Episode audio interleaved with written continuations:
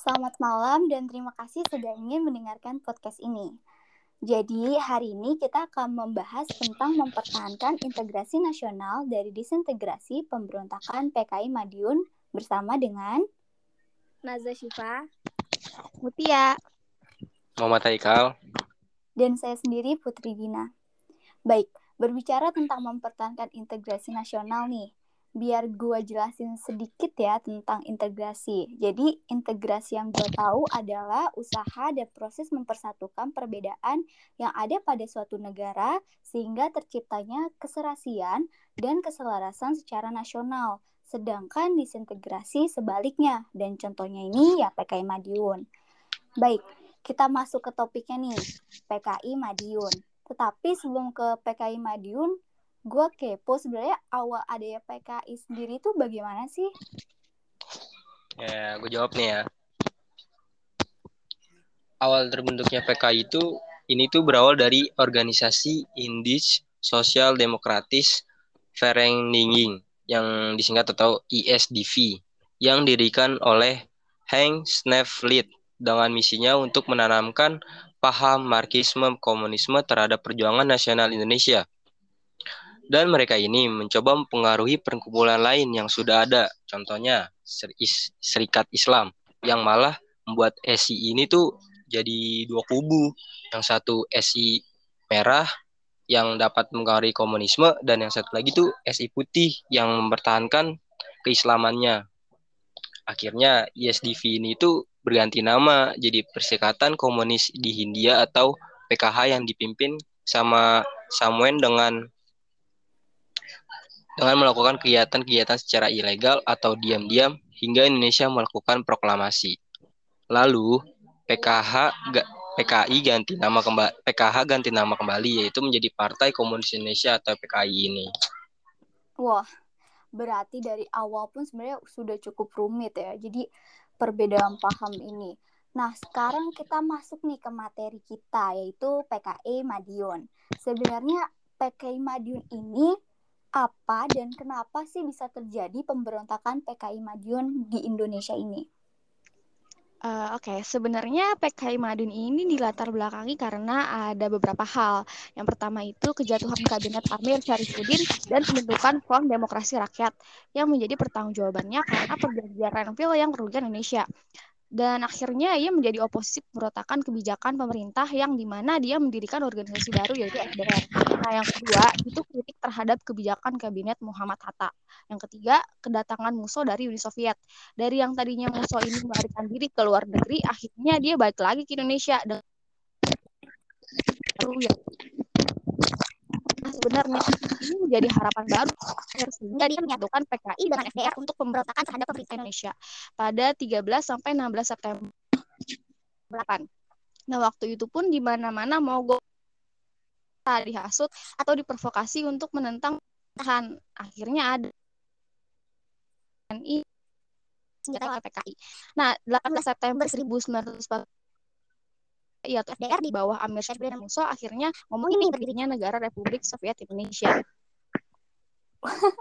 Aneh ya, jadi kan ada negara nih, tapi dia malah bikin negara lain. Jadi udah susah-susah Indonesia memperdekakan negaranya, tapi ada negara lain yang ingin memperdekakan di negara Indonesia. Nah, tapi nih, kenapa sih dan langkah apa yang diambil sama pemerintahan untuk memberantas PKI Madiun ini? Nah, kalau untuk menumpas gerakan pemberontakan PKI Madiun, pemerintah tuh ngelakuin beberapa langkah, yaitu melalui pertama melalui Presiden Soekarno, yaitu rakyat diminta untuk menentukan sikap dengan memilih musuh Amir atau Soekarno Hatta. Yang kedua, dengan pemerintah menutup sejumlah media pro, yang pro komunis yang ketiga, pemerintah menerapkan GOM satu yaitu operasi militer di mana Panglima Sudirman memberi pemerintah pada Kol Gatot Subroto Panglima Divisi 2 Jawa Tengah bagian timur, Kol Sungkono Panglima Divisi 1 bagian Jakarta eh Jawa Timur agar mengerahkan kekuatan TNI serta polisi dalam menumpas PKI Medion. Hanya butuh waktu dua minggu untuk pemerintah bisa menumpas PKI Madiun dan juga berkat dukungan rakyat Madiun bisa direbut kembali pada 30 September 1948 yaitu tepatnya pada waktu 1615. Wah, sebenarnya cukup rumit dan pemerintah Indonesia sudah cukup tegas untuk memberantas PKI Madiun ini. Jadi akhir Benar. dari pemberontakan PKI Madiun ini tuh bagaimana sih?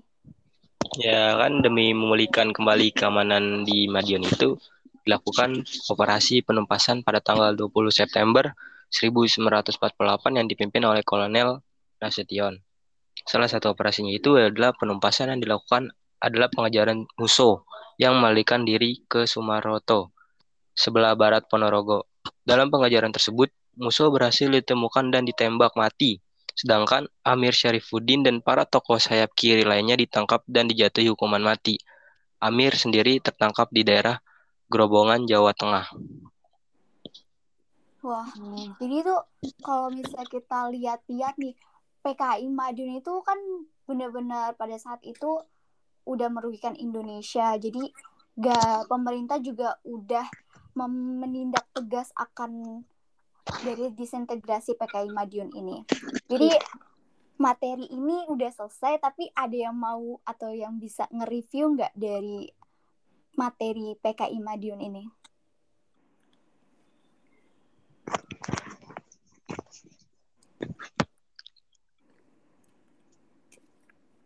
Haikal, gimana review review dari PKI Madiun ini?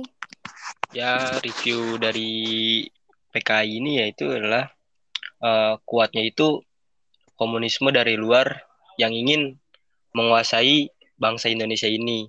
Jadi kita harus berhati-hati.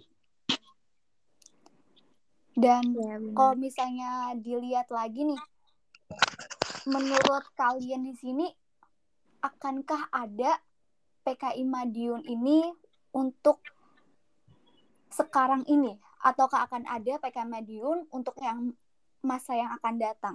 Kemungkinan ada atau tidak?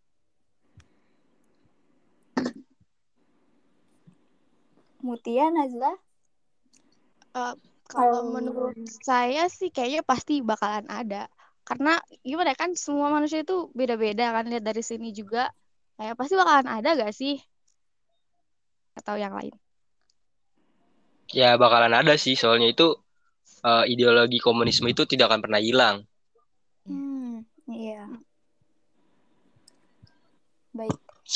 Berarti materi kita sudah sampai sini aja ya dan diskusi tentang PKI Madiun ini menurut saya sangat amat menyenangkan dan sangat menarik karena ya benar yang sudah dikatakan itu sangat amat merugikan bangsa Indonesia dan untungnya bangsa Indonesia atau pemerintahan bangsa Indonesia pada saat itu menindak tegas jadinya PKI Madiun ini segera terselesaikan dan semoga aja ya tidak ada lagi seperti halnya PKI Madiun untuk saat ini atau masa yang akan datang. Amin. Benar, amin. Baik. Ya kalau misalnya biar tidak ada lagi ini sih ya kan uh, undang-undang dasar atau apa yang tidak jadinya tuh jadi tuh uh, nian komunisme itu tidak kuat. Ya, benar. Iya. Baik, terima kasih Nazla, Mutia, Haikal udah mem- memberikan waktunya untuk diskusi malam ini. Jadi mohon maaf bila ada salah dan terima kasih sudah mendengarkan podcast ini. Selamat malam dan sampai jumpa di podcast yang lainnya mungkin. Terima kasih. Ya. Terima kasih.